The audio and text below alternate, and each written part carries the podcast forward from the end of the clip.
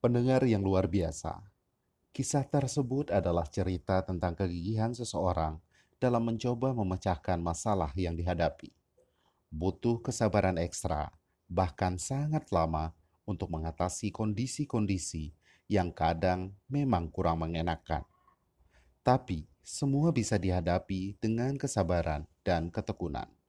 Masalah datang bukan untuk ditinggalkan, tapi diselesaikan halangan dan rintangan memang kerap mengunjungi hingga membuat kita terasa tersakiti. Tapi sebenarnya itu adalah ujian untuk membuat kita menjadi lebih baik dan lebih baik lagi. Untuk meraih sesuatu memang butuh pengorbanan. Tidak ada proses yang berjalan instan. Kesabaran tingkat tinggi yang ditunjukkan mampu menjadi solusi luar biasa yang bahkan dianggap mustahil pada awalnya untuk mengatasi persoalan apa saja.